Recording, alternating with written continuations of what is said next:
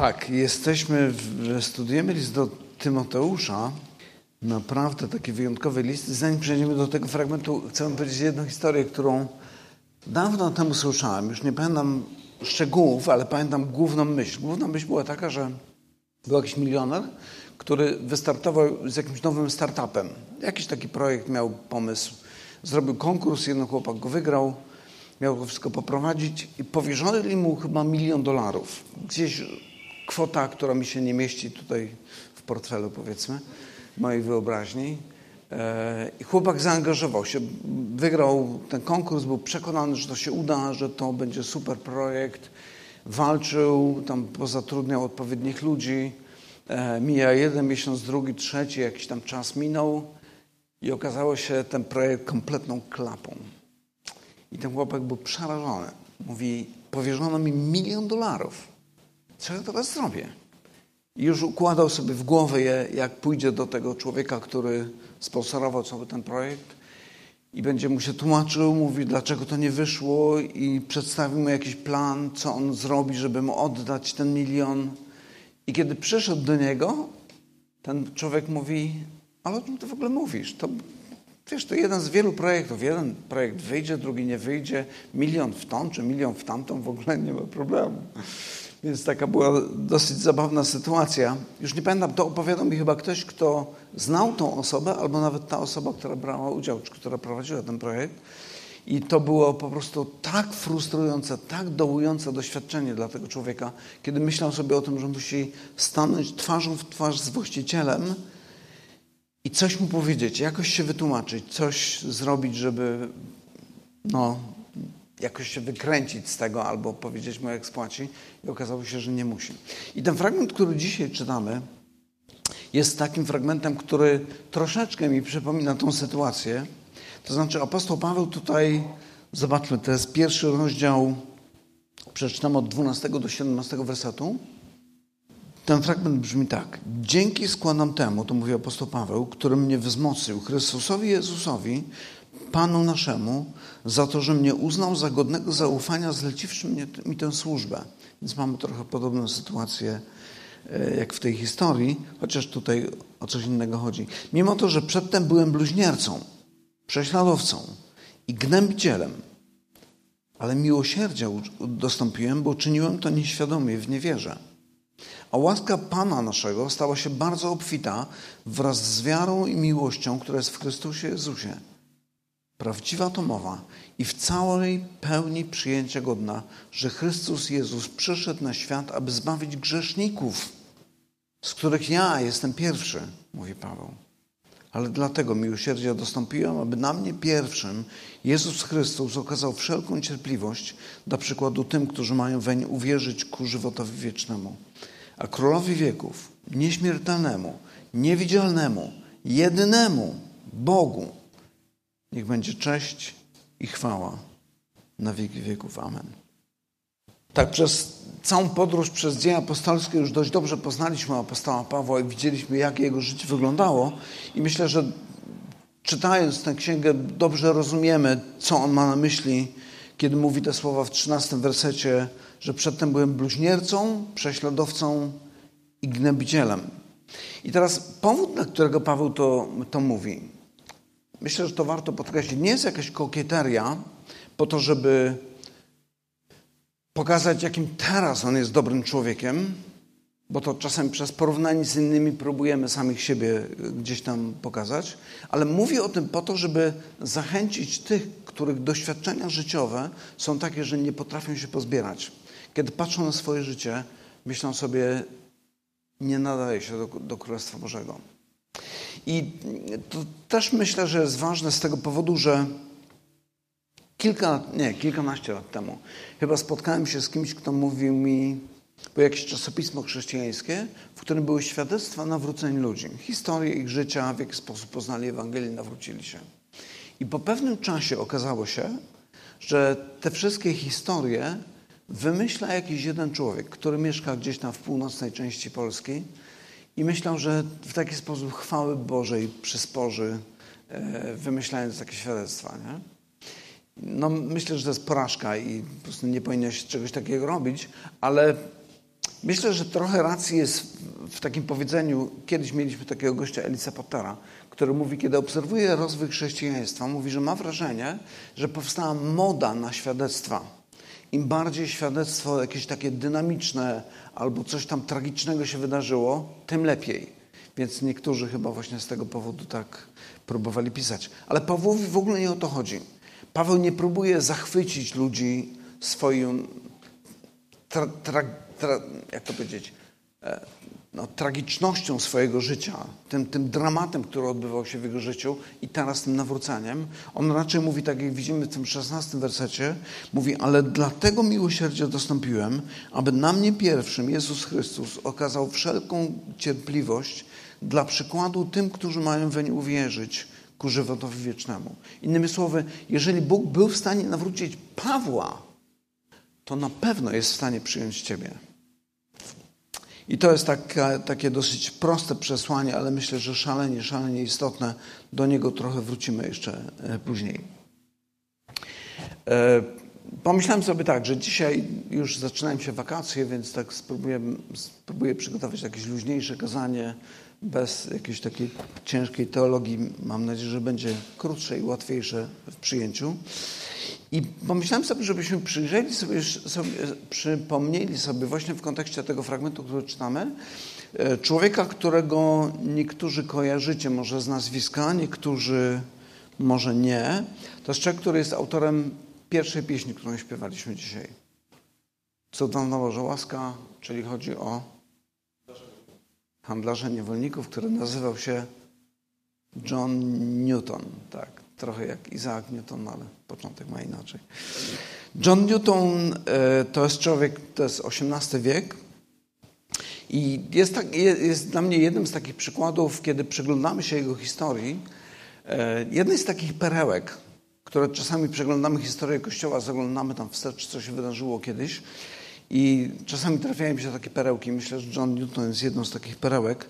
E, oczywiście perełek, które no wiecie, jak diamenty się tworzą, no to wielki musi, wielkie ciśnienie musi być, wielka, wielka tragedia, żeby ten prawdziwy diament się pojawił. Nie wiem dokładnie, jak jest z perłami, to chyba trochę inaczej, ale myślę, że no, to jest związane z, z tragedią w jego życiu.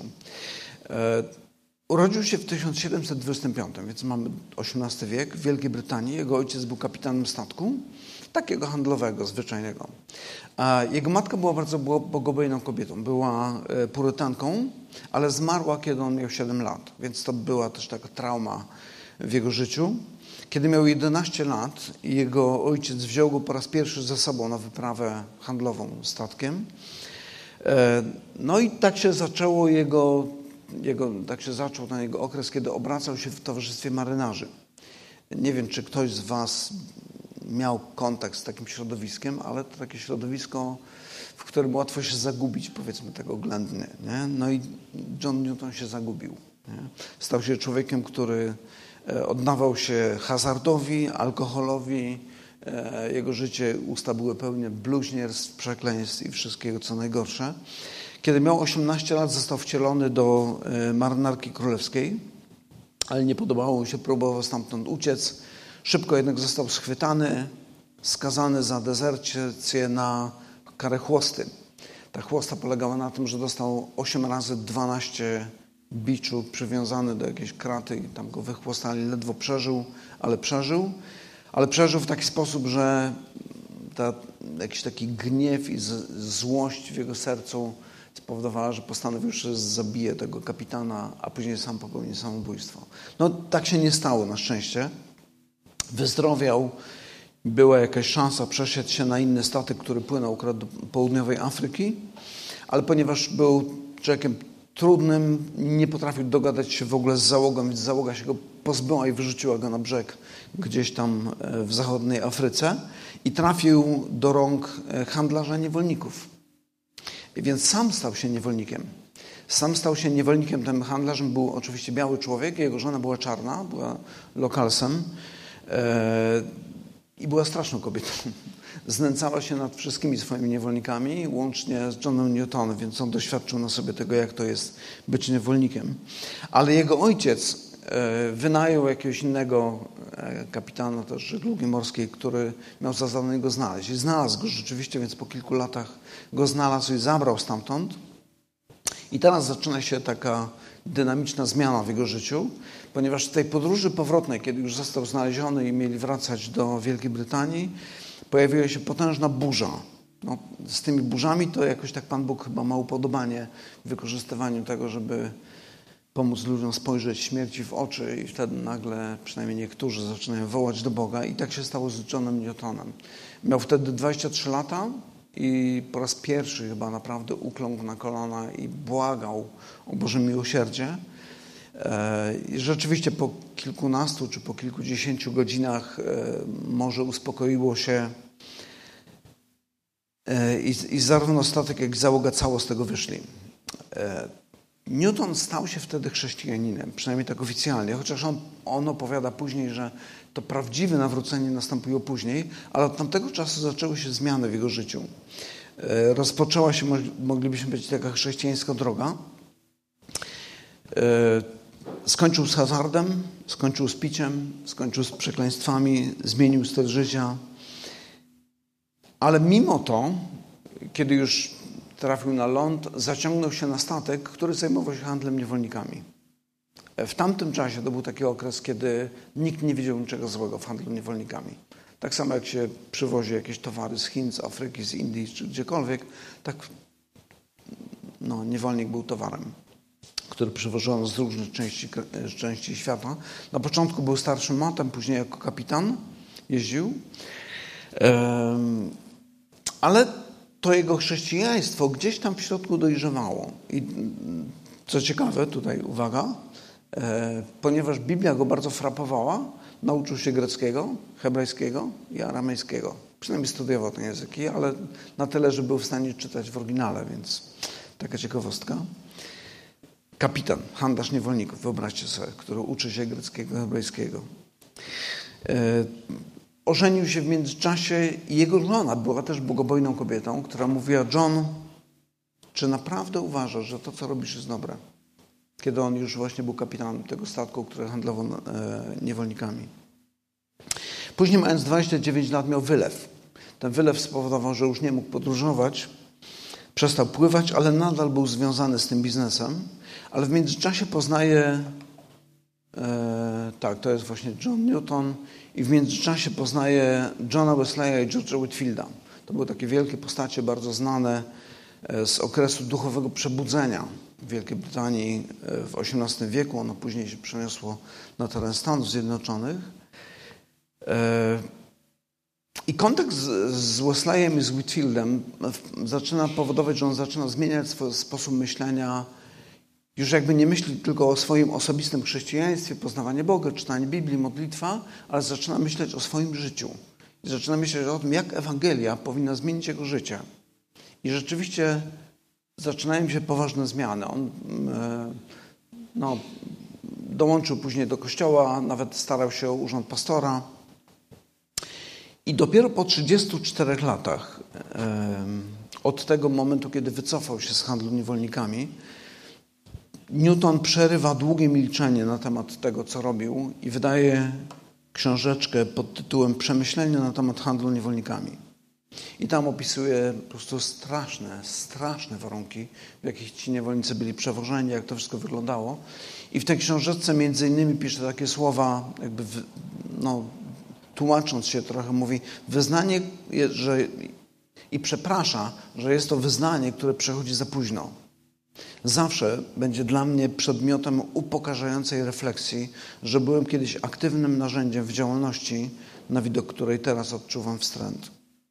No i to był ten moment, kiedy już Bóg jakby pokazał mu, że to, co robi, było naprawdę złe, że Ewangelia zmienia e, ten sposób myślenia. Swoją drogą, zobaczcie, jak trudno jest, żyjąc w środowisku, dla którego handel niewolnikami jest czymś normalnym. To jest tak samo jak kupowanie i sprzedawanie narzędzi, tak samo kupujemy, sprzedajemy niewolników. I wszyscy są zgodni co do tego, że to jest ok. I nagle jest jakiś człowiek, który mówi, ale patrząc przez pryzmat Ewangelii, chyba to jednak nie jest ok. I zabrało mu to sporo czasu, żeby dojść do tego, że to należy zmienić. Ale zmienienie czegoś, co do czego całe społeczeństwo jest przekonane, że to jest ok, wcale nie jest takie proste.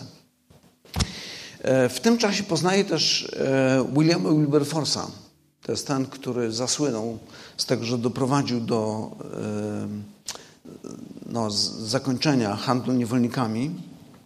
I w tym czasie Wilberforce przeżywał, przeżywał swój kryzys taki związany z powołaniem. Zastanawiał się, czy być parlamentarzystą. On był parlamentarzystą w, w brytyjskim parlamencie. I właśnie John Newton mówi do niego: Słuchaj, to jest Twoje zadanie, którego musisz dokonać. To jest Twoje powołanie, które musisz być w tym parlamencie i wykonać to zadanie. I nawet posługiwał się tym cytatem z księgi Estery. Nie wiem, czy pamiętacie tą historię, kiedy Estera musi pójść do króla i wstawić się z Żydami, ale samo to pójście groziło jej śmiercią. I e, jak się nazywa jej wuj? Haman, tak? Mordochaj. Haman był drugi. Mordochaj mówi do niej takie słowa. Jeśli w tym czasie będziesz milczeć, ratunek i ocalenie przyjdzie, e, dla Żydów przyjdzie skądinąd, lecz ty i dom twojego ojca zginiecie. Kto zaś wie, czy godności królewskiej nie osiągnęłaś właśnie na taki czas, jak obecnie.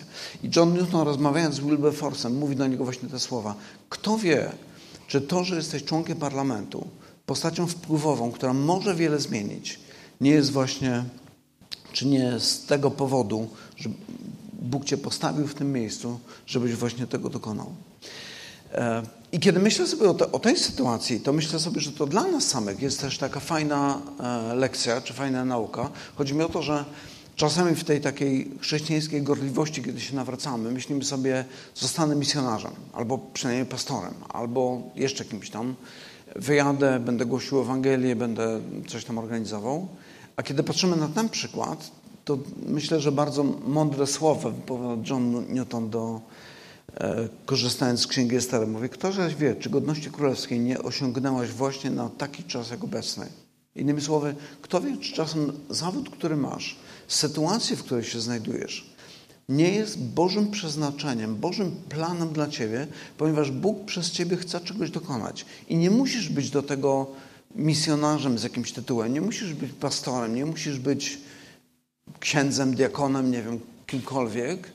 Ważne, żebyś był wierny Bogu w tym, co robisz, w tym, do czego Bóg cię powołał, w tym, co Bóg stawia przed tobą, abyś to wykonał.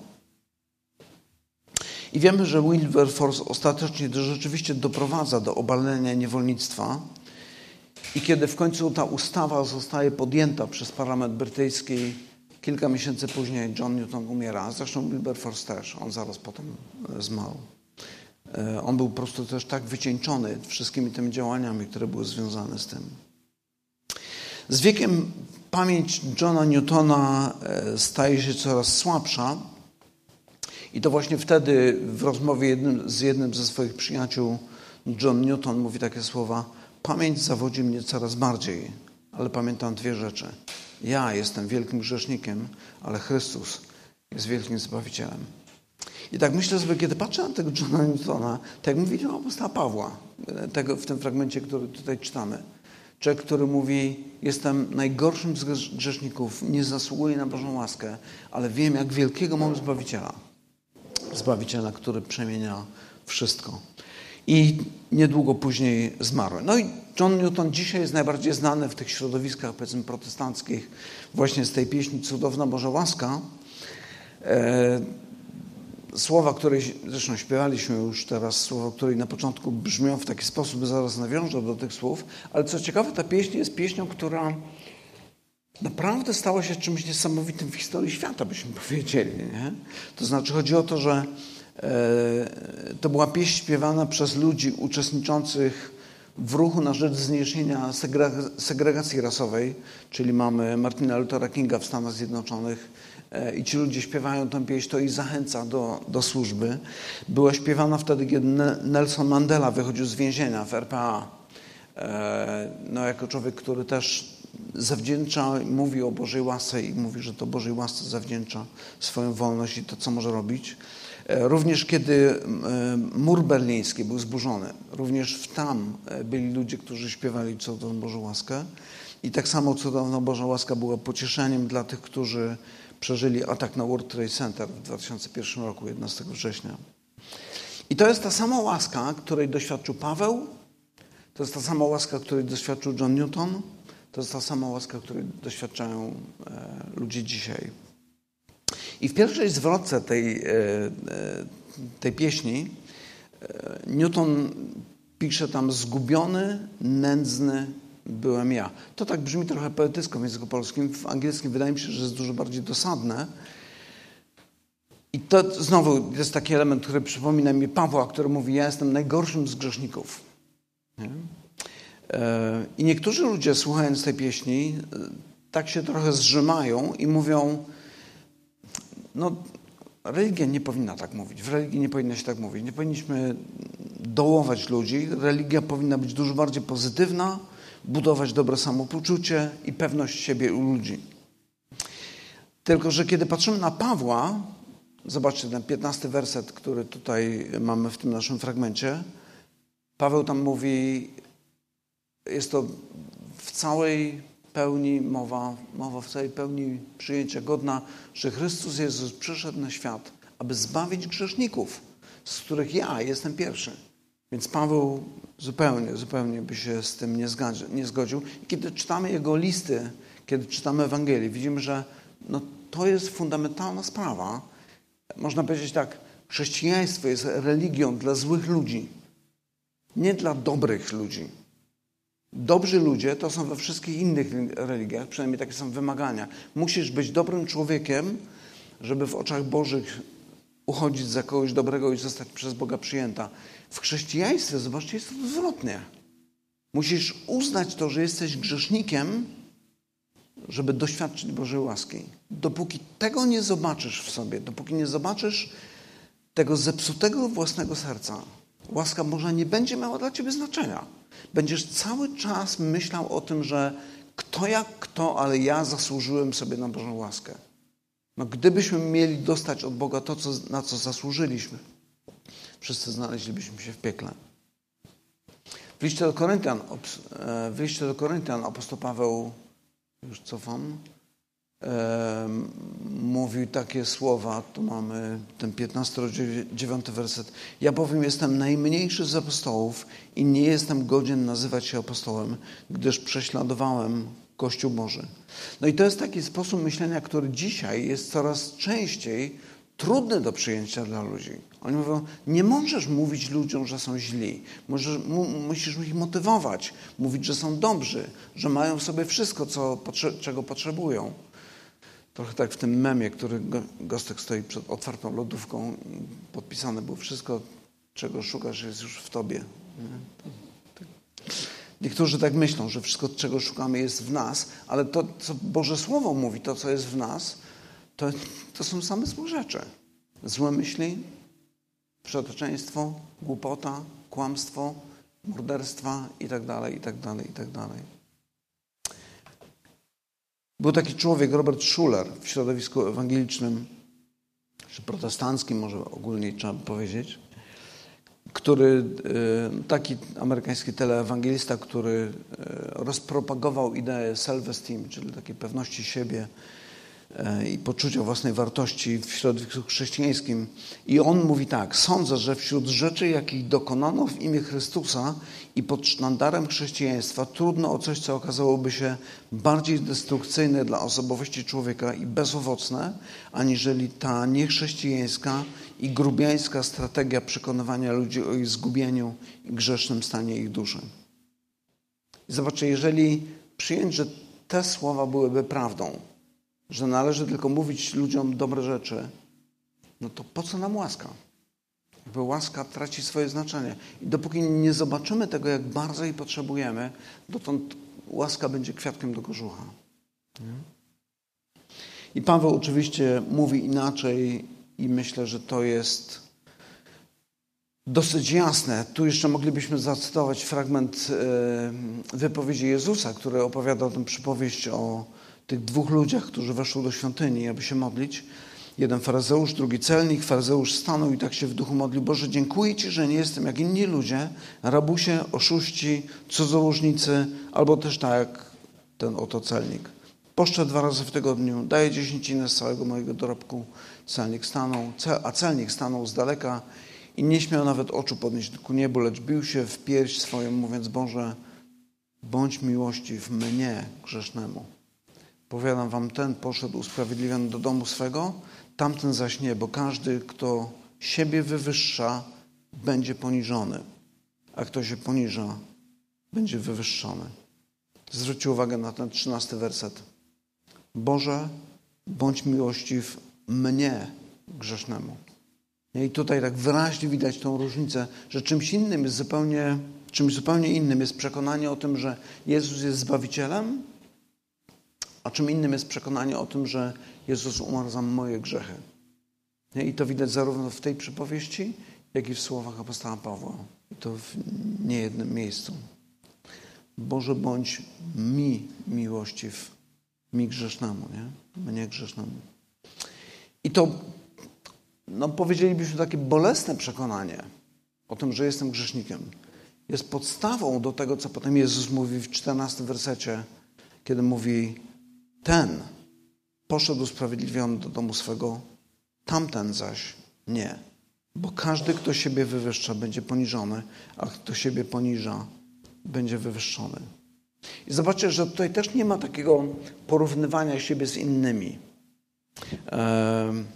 Chodzi mi o to, że czasem wydaje nam się, że jak się porównamy z kimś innym, to tam jakoś lepiej będziemy wyglądali. I Paweł też nie robi takiej listy swoich grzechów i listy grzechów kogoś innego, żeby pokazać, ja jestem najgorszym z tych grzeszników.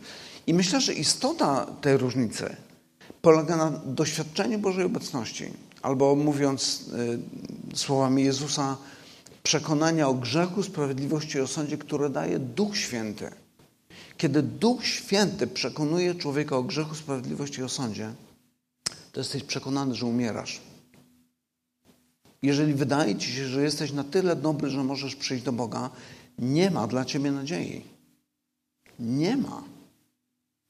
Zobaczmy, co Izajasz mówi w szóstym rozdziale. Kiedy spotka się z prawdziwym Bogiem, mówi: Biada mi, zginąłem, bo jestem człowiekiem nieczystych warg i mieszkam pośród ludu nieczystych warg, gdyż moje oczy widziały króla, Pana zastępów.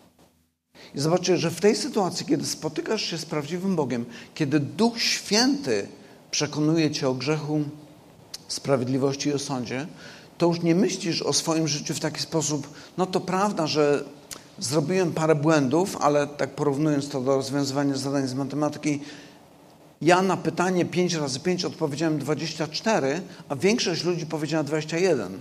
To ja jestem lepszy od nich.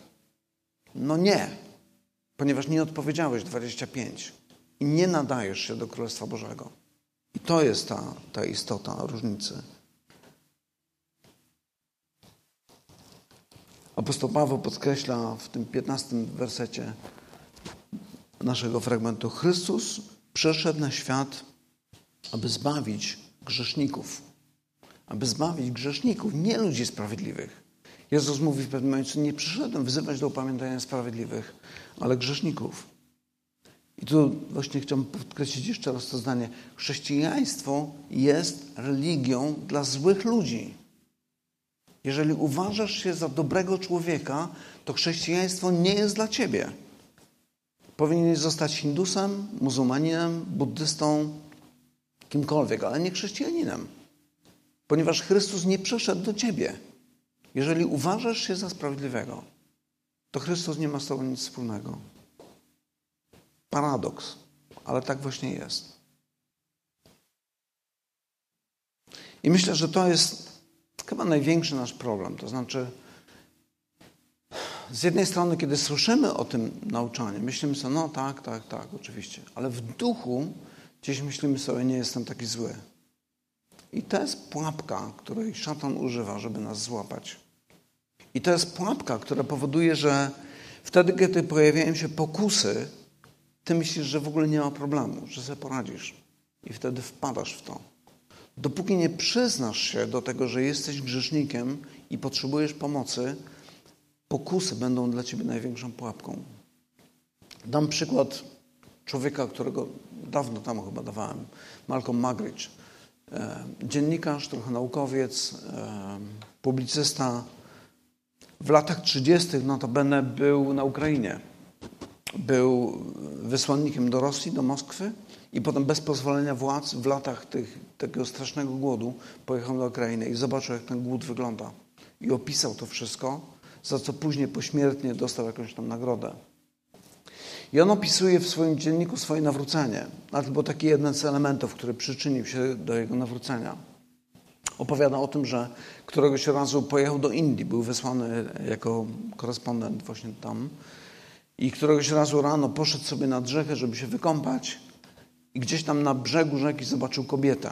Gdzieś po drugiej stronie, której kształt wyglądał tak atrakcyjnie, więc pomyślał sobie, że podpłynie do niej, zagada, może jakoś ta relacja się rozwinie.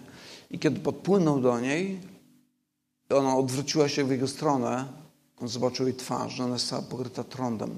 Jej ręce, jej twarz i pomyślał sobie, co za obrzydliwy widok, co za obrzydliwa kobieta. I w pewnym momencie do, go dotknęło to, co powiedział i mówi, to nie ona jest obrzydliwa, to ja jestem obrzydliwy. To moje serce jest tak zepsute, że nie potrafię sobie z tym poradzić.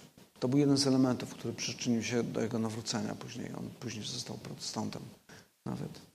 Ale myślę sobie, że czasami chyba potrzebne jest takie doświadczenie, które wstrząśnie nami i pokaże nam, przestań żyć złudzeniami o sobie. Przestań wyobrażać sobie, że jesteś nie wiadomo kim.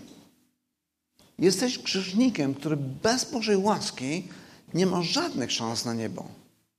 Jesteś odrażający w swoich grzechach. Nawet jeżeli odpowiedziałeś 24 zamiast 25 na to, za to, za, na to pytanie, to nie odpowiedziałeś tak, jak Bóg tego oczekuje. Twoja moralność jest jak splugawiona szata, jak mówi e, Izajasz. Ale dzięki Bogu, zobaczcie, jak Jezus przedstawia nam w historiach tych nowotestamentowych przypowieściach mówi, ale dzięki temu, co On zrobił, my przychodzimy do Chrystusa i otrzymujemy nową szatę. Szatę Jego sprawiedliwości. Jego sprawiedliwość zostaje przypisana nam. I kiedy On powołuje nas do siebie, to powołuje nas do tego, żebyśmy stali, usiedli przy Jego królewskim stole. Nie z powodu tego, że my jesteśmy tacy wspaniali, ale z powodu tego, że przyjęliśmy tą nową szatę, którą przyjęliśmy od Niego, którą On nam oferuje. I to jest takie proste przesłanie, biorąc pod uwagę samego Pawła, nas samych, takie przesłanie dla nas na dzisiaj. Jeżeli patrzysz na swoje życie i myślisz sobie, nie wiem, dla mnie już nie ma nadziei, już chyba nic dobrego z tego nie będzie, to wiedz o tym, że Bóg ma dla ciebie Jego sprawiedliwość, nie Twoją. Jego sprawiedliwość, w którą jeżeli się przyobleczesz, zostajesz przyjęty do Jego rodziny. Ale to tylko Jego szata ci to gwarantuje, a nie Twoja własna.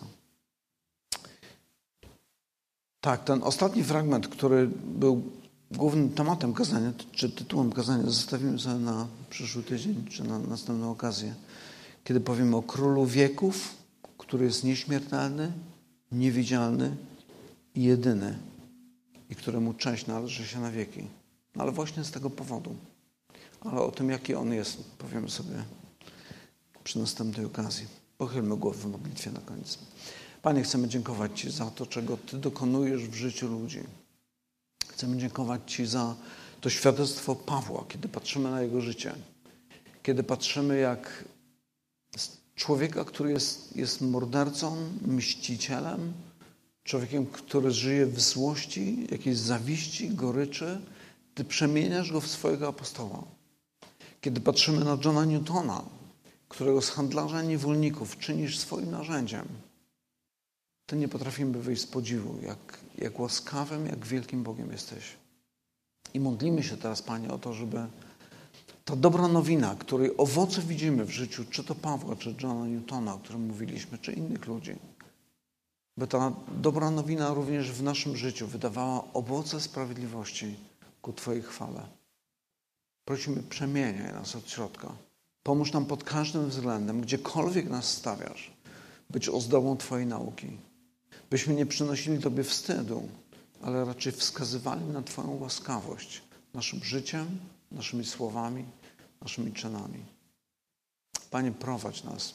Prowadź nasz zbór, używaj nas w tym mieście. Pokazuj nam, dokąd nas prowadzisz, czego od nas oczekujesz, co możemy robić.